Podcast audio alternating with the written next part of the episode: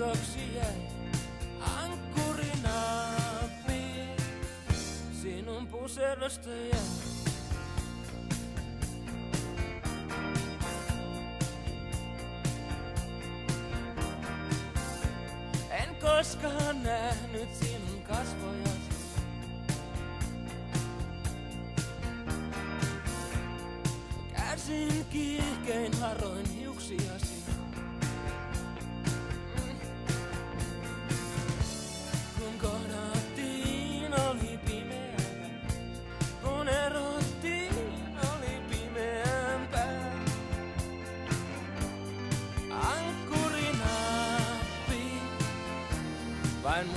taksi jäi ankkuri. Sinun puselöstä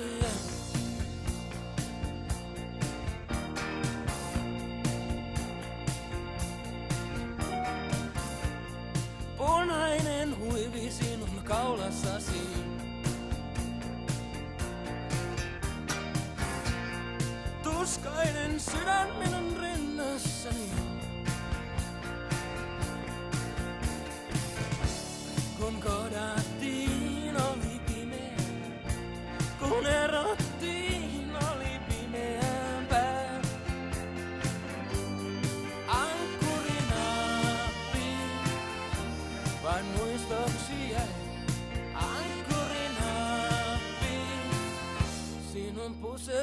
Jäi.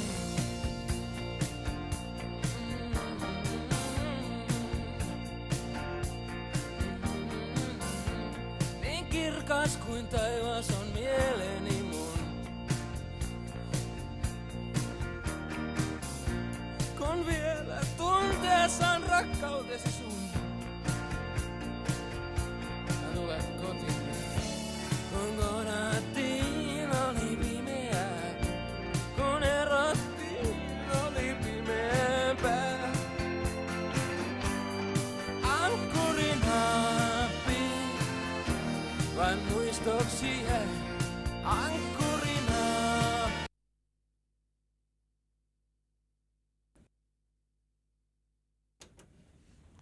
tere!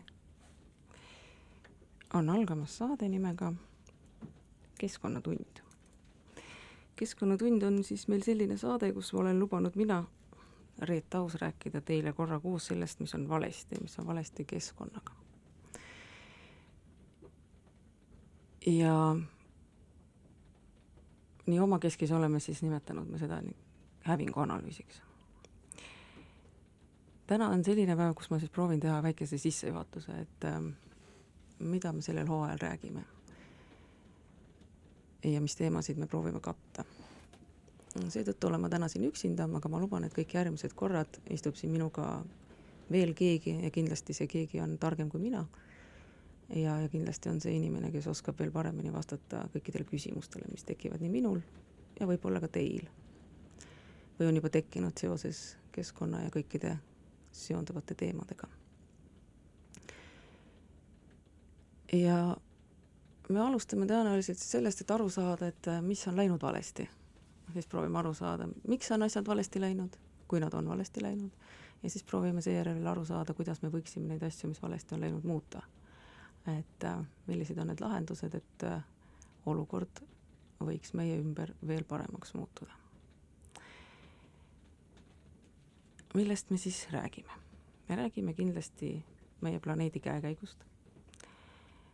me räägime kindlasti magevee nappusest, mullast, tööstusest, disainist, jätkusuutlikust arengust, eetilisest ettevõtlusest, jäätmekäitlusest, ümbertöötlusest ja loomulikult äh, minu isiklikult kõige suuremast lemmikust väärtustavast taaskasutusest, nii palju kui võimalik.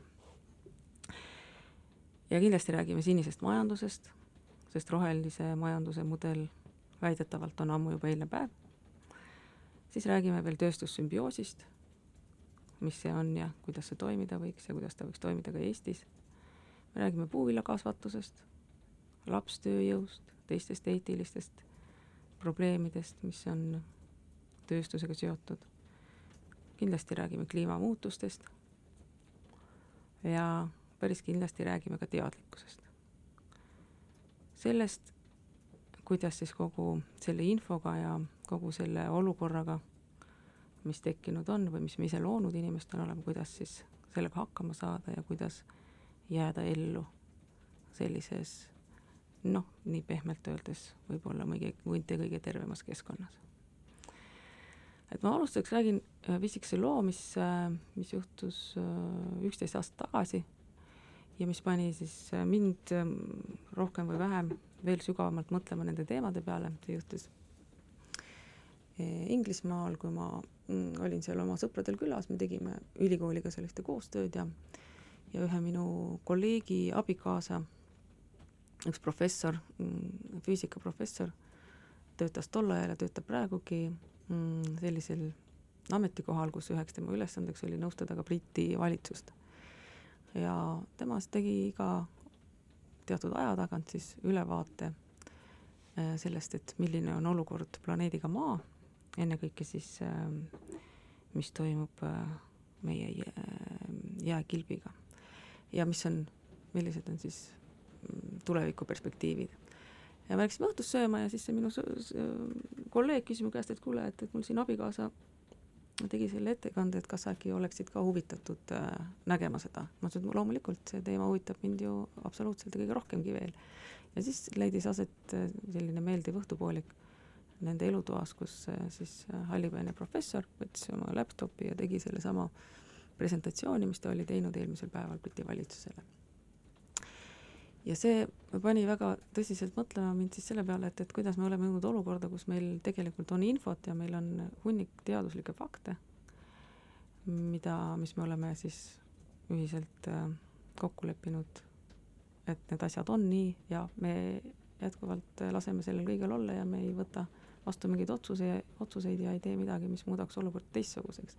ehk siis selle väga lühike kokkuvõte võiks olla selline, et äh, kõik on tuksis ja mingit lootust ei ole, ehk siis kui äh, härra Duncan lõpetas oma presentatsiooni, siis ma küsisin ta käest, et noh, et aga kuidas sulle isiklikult tundub, et et meil on siin sellised ja sellised vahendid ja noh, näe, mina siin tegelen selliste asjadega ja proovin siin töötust, tööstust muuta ja jäätmeid vähendada ja, ja meil on ikkagi ju teatud suur hulk tegevusi, siis ta ütles, et kõikidel nendel tegevustel reaalselt ei ole nii kaua mitte mingisugust erilist mõtet, kui riigid omavahel teatud kokkuleppeid ei sõlmi, aga kuna need on poliitiliselt nii ebameeldivad äh, kokkulepped, mis on vaja sõlmida, siis neid ei juhtu ja seega ei juhtu ka mitte midagi ja seega meil ei olegi mingit lootust. mul päris tükk aega ei olnud see, see vestlus meeles, ma mäletan, et tookord äh, mul võttis üks nädalakene aega, enne kui ma kogu selle info läbi seedisin ja sain aru, et et noh, ühest küljest võib ju äh, Äh, see muuta olukorra veelgi depressiivsemaks, aga teisest küljest äh, mida siis teha, ainuke võimalus ongi tõsta hommikul üles ja hakata tegema neid tegevusi, mis, äh, mis justkui võiksid siis mingit lahendust pakkuda, et et sinna kõrvale ma võin panna ühe vestluse sellel suvel ühe Ameerika mm, teadlasega, kes on andnud mitmeid raamatuid välja kliimamuutuste teemal.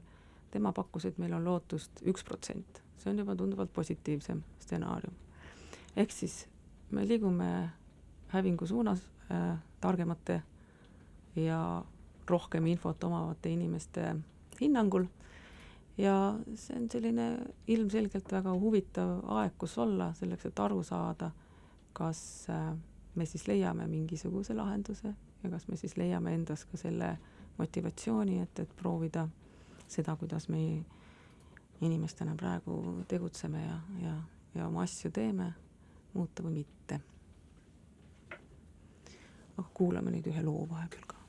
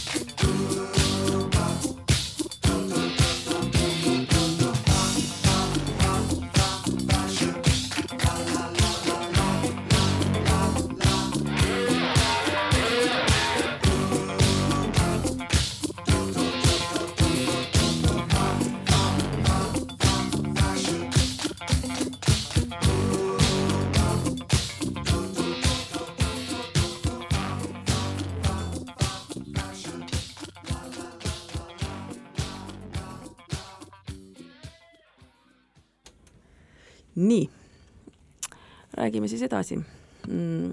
vaatame korra tarbimist. maailma tarbimine on kasvanud kahekümnendal sajandil enneolematu kiirusega. era- ja avaliku sektori tarbimiskulutused ulatusid kahe tuhandendamal aastal kahekümne nelja triljoni dollarini. see on kaks korda rohkem kui seitsmekümne viiendal aastal ja kuus korda rohkem kui viiekümnendal aastal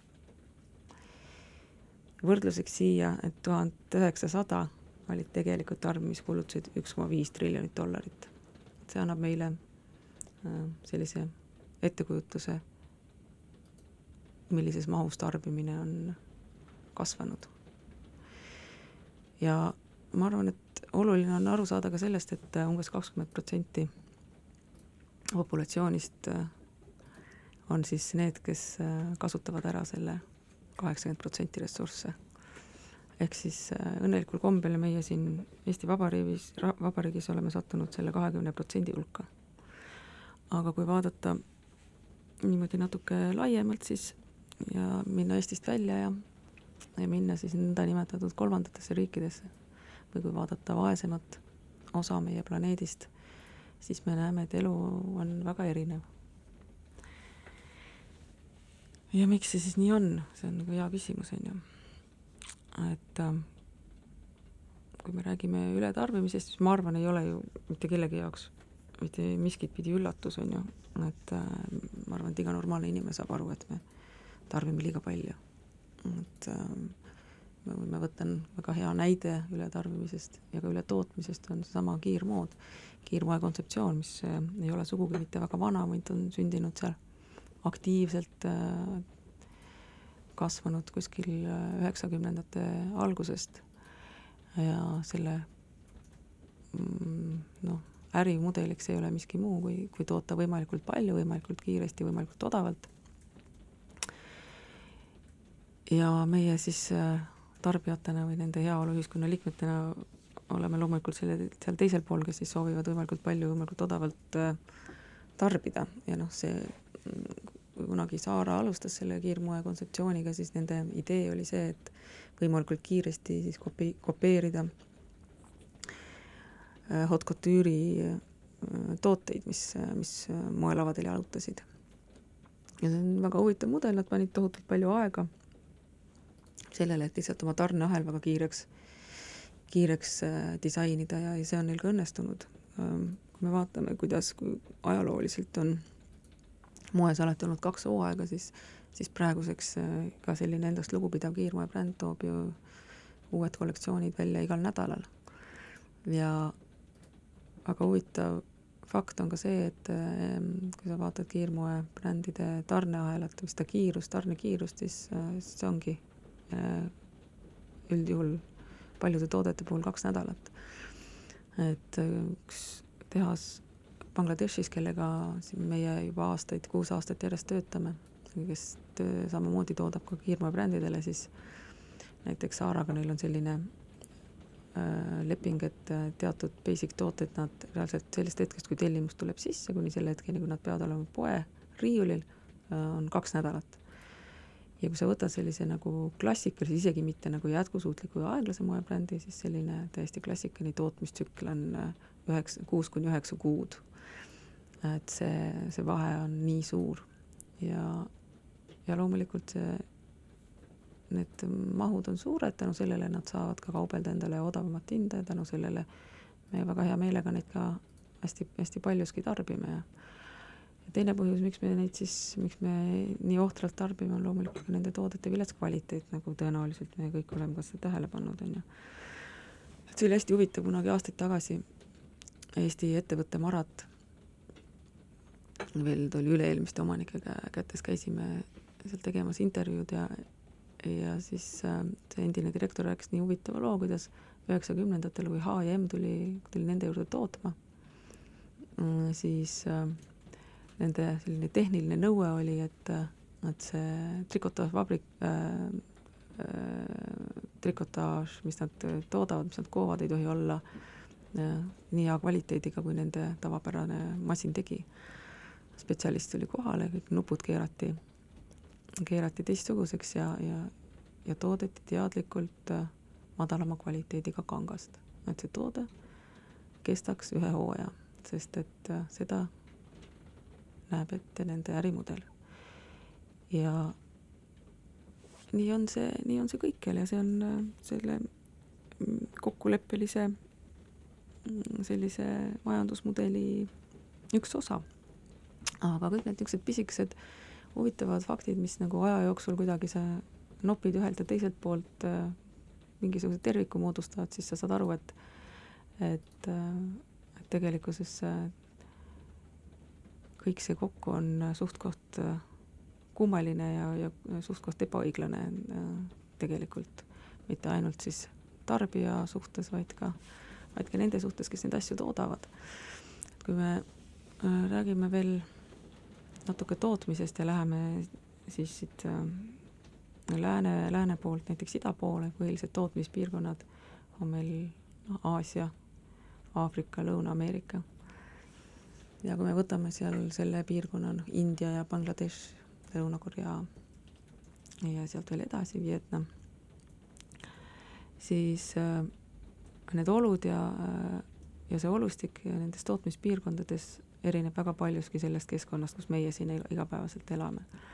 et ähm, kui me räägime Bangladeshist, siis äh, Bangladeshi tööstuspiirkond äh, nende üks suurimaid, noh, neil on seal mitmeid probleeme, ütleme kolm põhilist probleemi on loomulikult äh, magevesi, sest et tööstus on selle piirkonna keskkonna nii rikkunud, et et magevesi, joogivesi ei ole siis kättesaadav enam, jõed on reostunud, Bangladeshis on Purikunga jõgi, mis tuleb ülevalt põhjast ja suubub alla.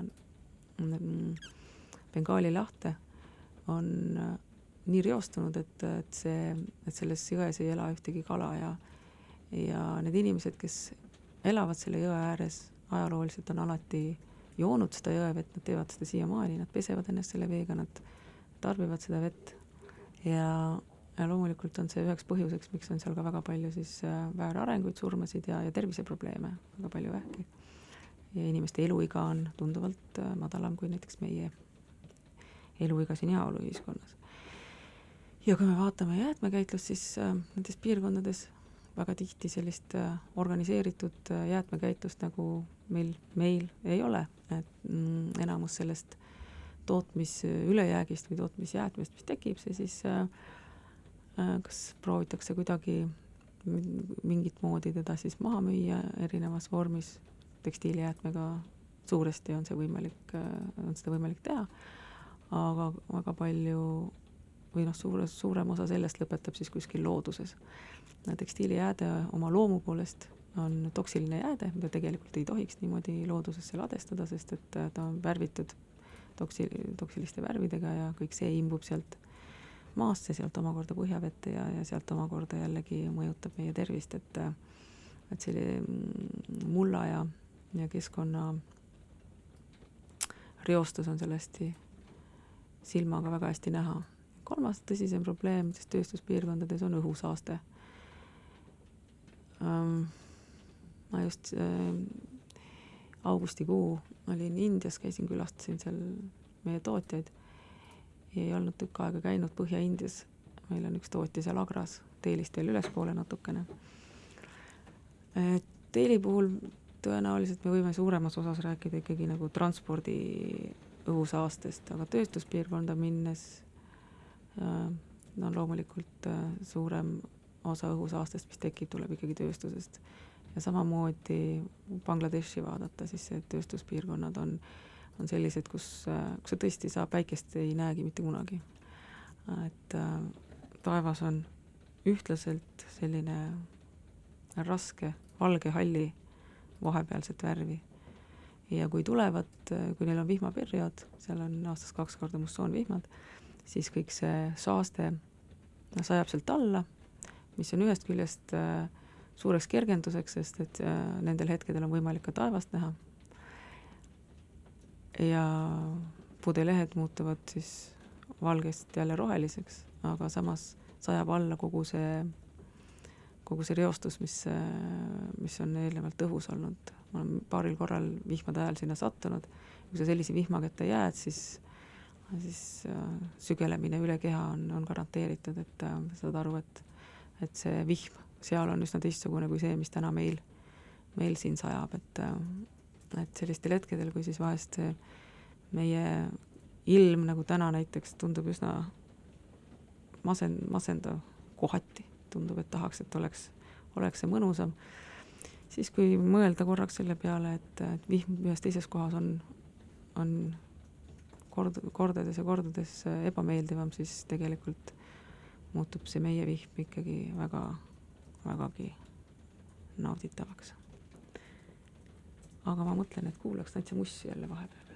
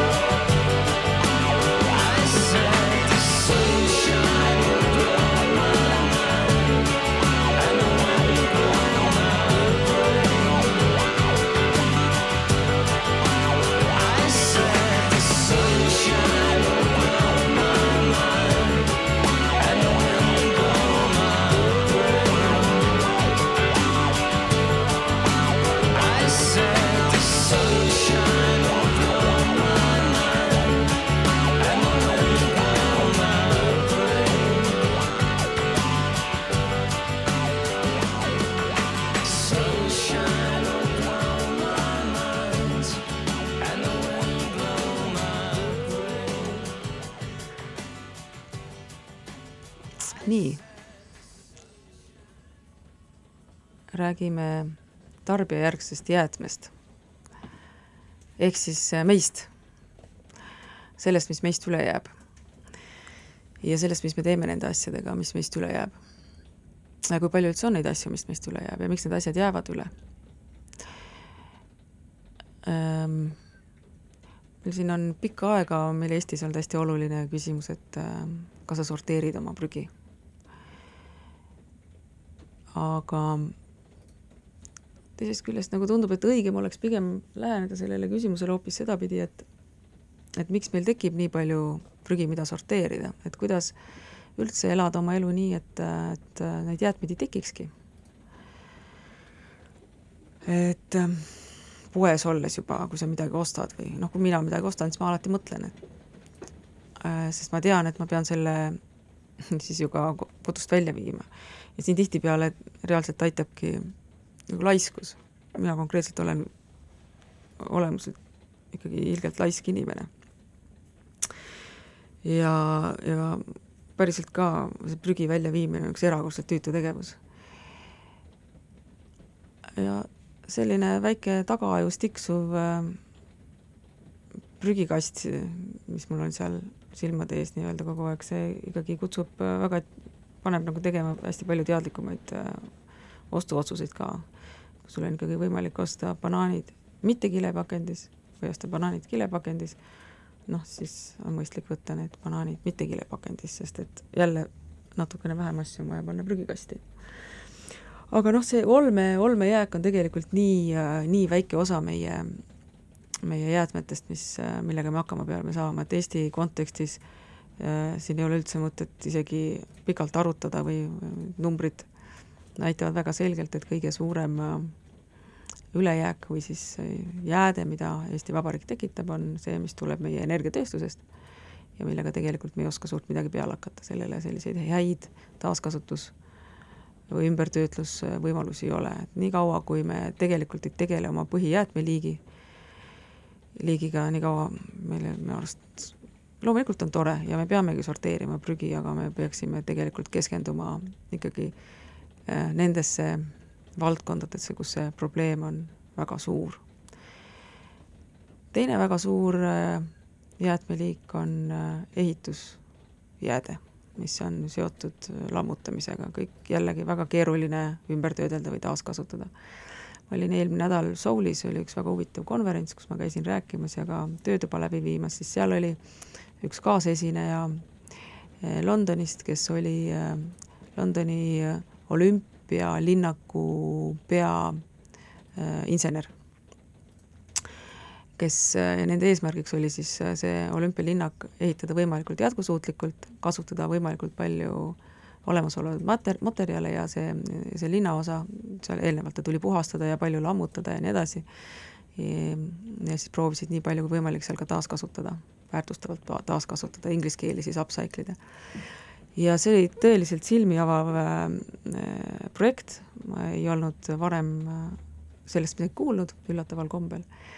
Ja nad olid, see, kuidas nad kogu selle mm, materjali olid kokku pannud ja analüüsinud, noh, palju aast-, see projekt ju kestis aastaid, on ju, ja teinud ka majanduslikud arvutused sellele, et kui palju siis, kui palju nad sääst-, palju oli siis sellist majanduslikku säästu sellega, et nad äh, väärtustavalt taaskasutasid äh, sealtsamast äh, lammutuse käigus kõrvale pandud äh, materjale ja kui palju nad äh, rakendasid siis erinevaid keskkonnateadlikke tehnoloogiaid et äh, need äh, summad, mis, mis Londoni linn säästis, ei olnud mitte miljonites, vaid olid miljardites. ja see on üks suurepärane selline case study, mida ma ei tea, kõiki, kõikidele inimestele, kes linna planeerimisega tegelevad, oleks väga soovitatav vaadata ja, ja kõikidele teistele, kes arvavad millegipärast, et jätkusuutlikkus on midagi kallist või jätkusuutlikkus on mingi selline nagu äh, mingi trend või, või mingi väikse sellise huvigrupi mängumaa, siis äh, ma arvan, et see on üks selline globaalselt korralik, suuremahuline ja väga hea suure eelarvega projekt, mis tõestab vastupidist, et tegemist on äh, tegelikult äh, igas mõistes äh, efektiivsusega nii keskkonnaprobleemide mõttes kui ka, kui ka raha mõttes. rääkimata siis ka sinna juurde veel muude, muudest nagu eetilistest ja ja küsimustest, mida samuti seal, seal jälgiti selle projekti juures. aga tulles korra tagasi siia Eestisse meie juurde näiteks ja vaadates äh, rõivajäätmeid, mis on ka üks seda tüüpi jäätmeliik, millega meil suurt midagi peale hakata ei ole, me ei oska eriti midagi teha oma kasutatud rõivastega. mis see tavapärane praktika meil igapäevaselt siis on? noh, siiamaani väga suures osas ametlikult läheb meil rõivajääde olmejäätmega koos lihtsalt põletisse, veel mõned aastad tagasi läks ta prügilasse, ka nüüd läheb ta osaliselt prügilasse, sest et kui meil on rõivajääde nagu ühtsena, ühtse tombuna koos, siis teda põletisse panna ei saa. See, seetõttu tulebki teda olmejäätmega segada. no miks me teda siis jätkuvalt põletame, sest et kui me vaatame jäätme hierarhiat, siis äh, kõige all on äh, seal prügila ja sellest järgmine on põleti, ehk siis äh, prügist energia või soojuse valmistamine. Need on kaks kõige viimast, kõige viimast võimalust, mida me võiksime teha oma, oma ülejääkidega, enne seda on ümbertöötlus, mida me plastiku puhul kenasti rakendame teata, teatava mahuni ja, ja osade teiste materjalidega samuti, enne seda tuleb siis seesama väärtustav taaskasutus ehk inglise keeli upcycling ja enne seda tuleb korduskasutus mis on siis see, et, et sa kasutad ühte sama toodet äh, korduvalt ja korduvalt samal, samal eesmärgil. lihtsalt veel siis rääkides korra väärtustavast taaskasutusest, et, et me kõik saaksime ühtemoodi aru, millest me räägime, äh, siis väärtustav taaskasutus on see, kui sa võtad ühe olemasoleva materjali ja lisad talle väärtuse läbi disaini ja niimoodi sünnib uus toode ja ümbertöötlus on see, kui sa siis noh, a la teed plastikpudelist, pudelitest teed fliisi, et sa võtad äh, ühe materjali, töötled seda materjali, paned sinna veel lisaressurssi ja kuna sa paned sinna lisaressurssi, siis ta on hierarhias allpool kui väärtustav taaskasutus. selline on nagu hästi lihtne hierarhia, mida oleks hea teada, sest sellest lähtuvalt on ka siis mõistlik teha neid otsuseid, et mida, mida oma ülejäävate asjadega teha. ja kõige üleval on siis seesama korduskasutus äh, need võimalused meil on väga hästi loodud Eesti Vabariigis, me kõik teame, et me võime oma asju viia uuskasutuskeskusesse, kes neid vastu võtab, või võime oma peresiseselt jagada või võime oma sõpradega vahetada, toimub päris palju igasuguseid vahvaid laatasid ja muud sellist, kus on võimalik oma väikseks või ülejäänud rõivad müüa. ehk siis meie selline second-hand äh, kaubandus on päris hästi arenenud, mis on suurepärane seal on kaks aga, üks aga on see, et, et väga suur osa meie, meie teise ringi kaubandusest ostab sisse neid äh, rõivaid Inglismaalt või, või kuskilt mujalt. aga mida see tähendab näiteks, kui me ostame Inglismaalt endale äh, mingisuguse hunniku rõivaid, see tähendab seda, et me ostame tegelikult sisse nende jäätmeid, sest äh, nemad on seal nad kokku kogunud, nad on sorteerinud, paremad palad on nad oma teise ringi kauplustesse laiali suunanud ja see, millega nad enam mitte midagi peale ei oska hakata, selle nad topivad äh, kottidesse ja proovivad siis sellistesse riikidele nagu, kus endal jäätmekäitlussüsteem nii hästi ei toimi, noh nagu ka meie näiteks, maha müüa.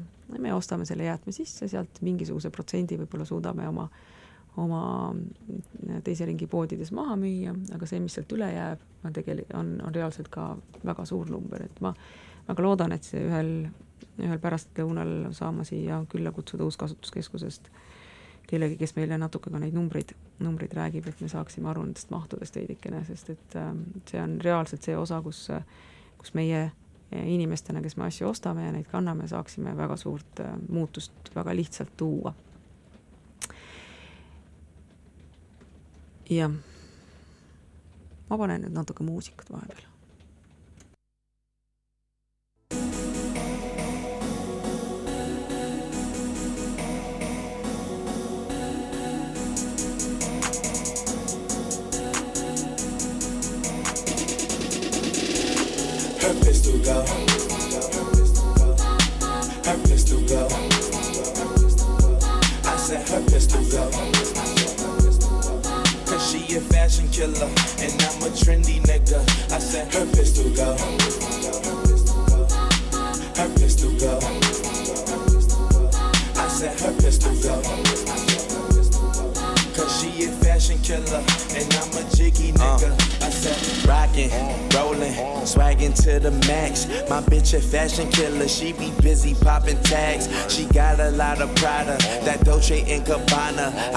Can't forget Escada and that Balenciaga. I'm sippin' purple syrup, come be my Aunt Jemima. And if you is a rider, we go shopping like manana. Her attitude Rihanna, she get it from her mama. She jiggy like Madonna, but she trippy like Nirvana. Cause everything designer. Her jeans is Helmet Lang, shoes is Alexander Wang, and her shirt the newest Donna. Karen, wearing all the Cartier frames, Jean Paul Gaultier's, cause they match with her persona. Her pistol go. Her pistol go. I said her pistol go. Cause she a fashion killer, and I'm a trendy nigga. I said her pistol go. Her pistol go. I said her pistol go. Cause she a fashion killer, and I'm a jiggy nigga. I said I see a Jill Sanders. I love her people's costume national, yeah, and a Meester. See this one be the sneaker. Lavana Balmain. Goya bought the trunk. Her Isabel Marant. I love your Linda Farrow. I adore your Dior. Your Dami, yeah, Doma. Beating carrot from the store. I crash down with that top down. Bossy how I ride round. Mommy in that Tom Ford. Poppy in that Tom Brown. Rick Owens, Rap Simmons. Boy, she got it by the stop. She ballin' till she fall. That means she shopping till she drop. And Versace got a lot. But she may never wear it. But she save it so our babies will be flyer than their parents. And her pistol go.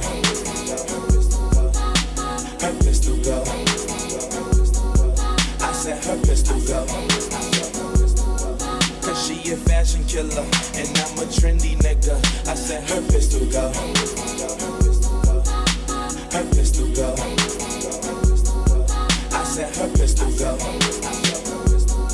Cause she a fashion killer, and I'm a jiggy nigga. I said her pistol go. Black breezing cool. Smelling is your treasure, you're so well put together. I see bags and rings, jeans and shoes. Spikes and patent leathers, living fabrics mixed together. How are you and me, me and you? Go away together, we could get away forever. All emotions clashed and thrashed, and someone turned the light out. I met my babe, expressed my passion on my fashion night out. Her pistol go. Her pistol go. I said her pistol go. Cause she a fashion killer, and I'm a trendy nigga. I said her pistol go. Her pistol go. I said her pistol go. Cause she a fashion killer, and I'm a jiggy nigga. I said her pistol go.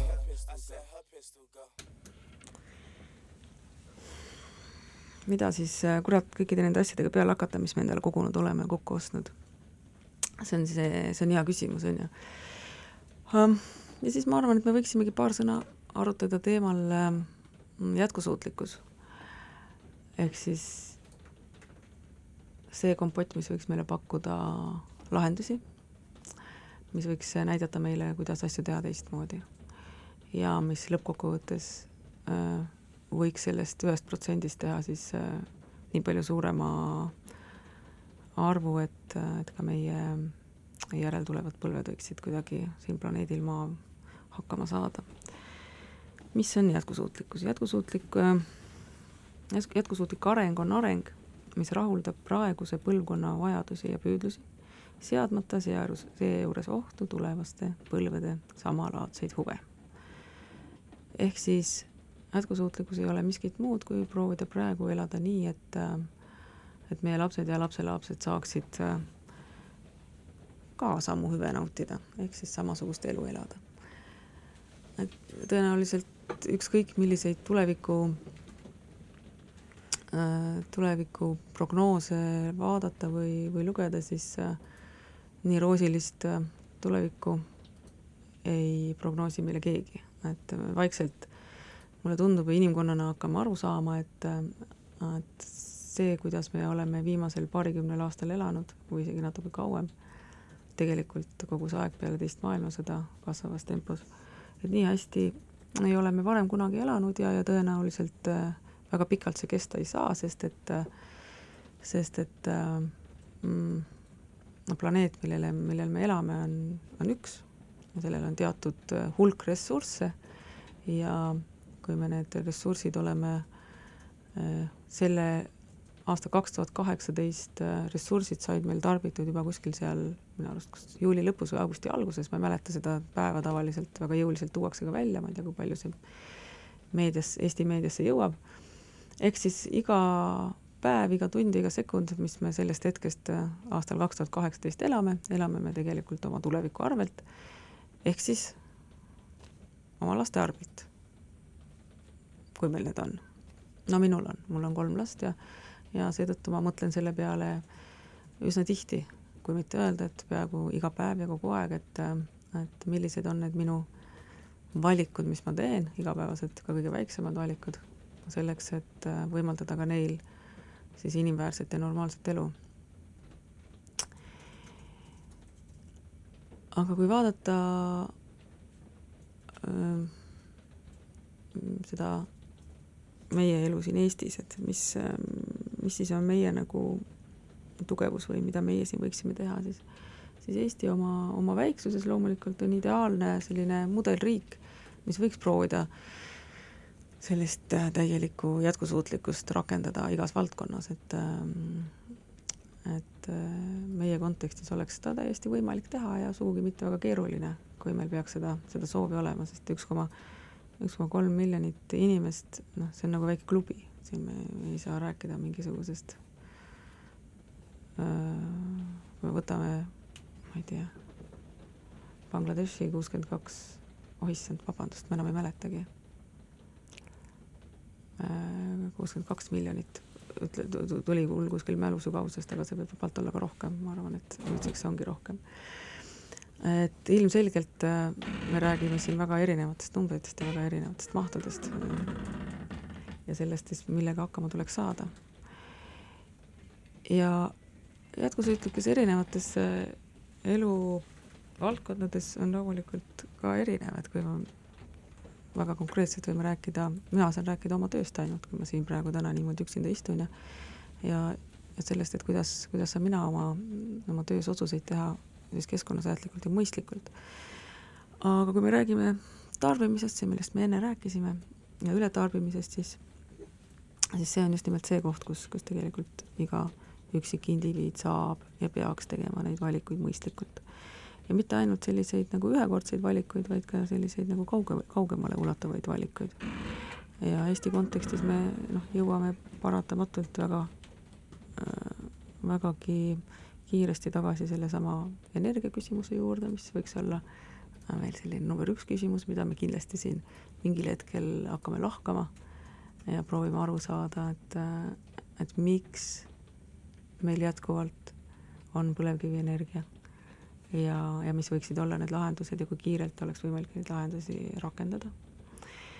üks asi, millega me siin väga hästi on, on vesi ja, ja kliimamuutustega seoses eksperdid Äh, väidavad, et äh, siin meie piirkonnas sademed ainult, äh, sademete hulk ainult kasvab, seega hoolimata sellest, et see suvi näitas meil päris korralikku põuda, siis pikemas perspektiivis ei tohiks meil sademetega probleeme olla, vastupidi.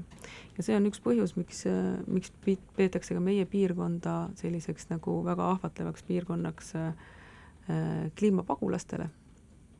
sest et kui minna siit lõuna poole ja ja minna, see puudutab juba Euroopat, mitte ainult äh, enam Aasiat või, või, või Lõuna-Ameerikat. kui me näeme piirkondasid, mis järjest kõrbestuvad tänu, tänu kliimamuutustele, siis äh, siis me näeme, et, et vesi on tõenäoliselt ressurss number üks äh,. jah, see ongi ju ametlikult välja öeldud, mille üle meil tõenäoliselt siin ühel hetkel selline nagu kaklus algab ja seetõttu mm, oleme me väga selline ahvatlev piirkond.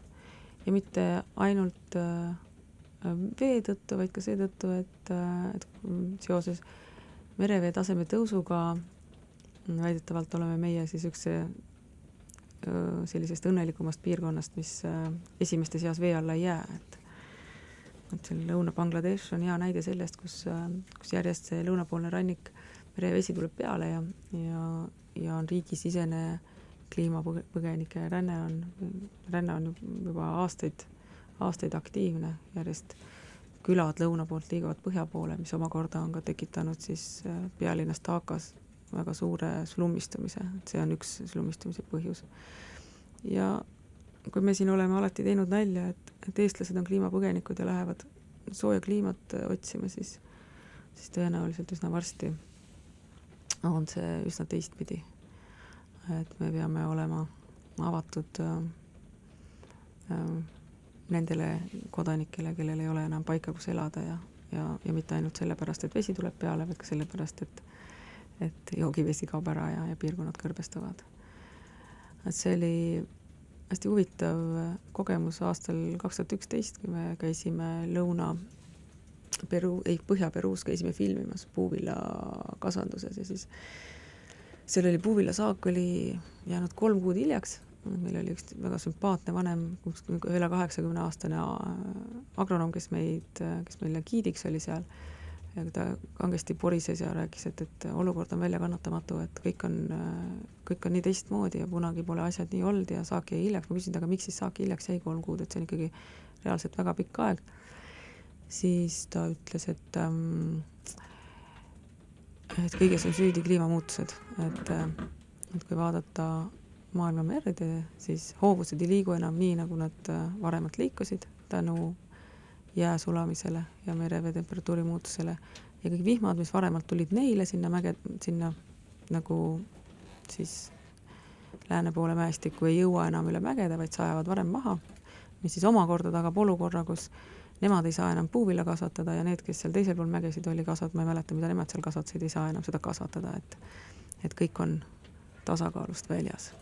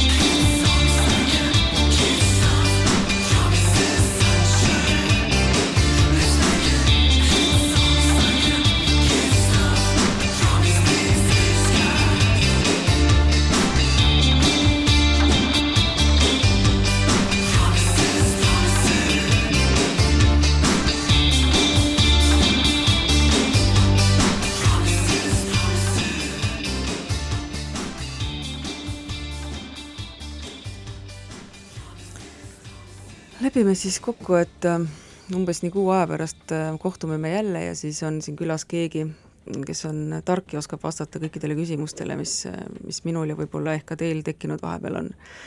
senikaua aga on mul teile selline väike palve, et ärge siis ostke igast kräppi, vaid, vaid pigem mõelge selle peale, kellele te oma äh, töö ja vaevaga teenitud äh, raha ikkagi annate, et äh, jätkuvalt eelistage ikka eestimaist.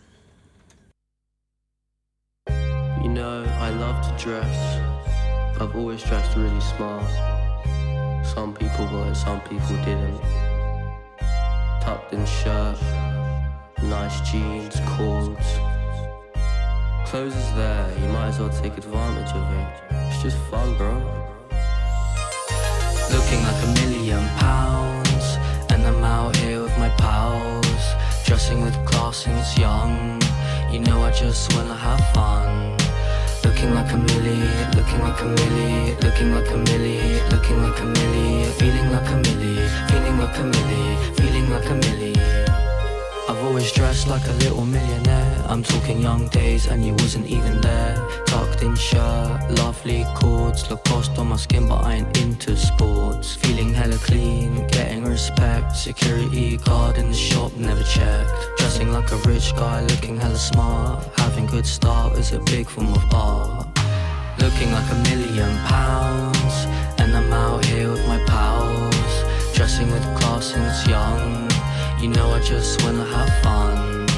Looking like a milli, looking like a milli, looking like a milli, looking like a milli, feeling like a milli, feeling like a milli, feeling like a milli. Some people get frustrated when they see us using clothes as art. They don't get it, they then move on to hate it. But we must ignore them cause we just love to express. We have creative minds, that's what makes us beautifully dressed.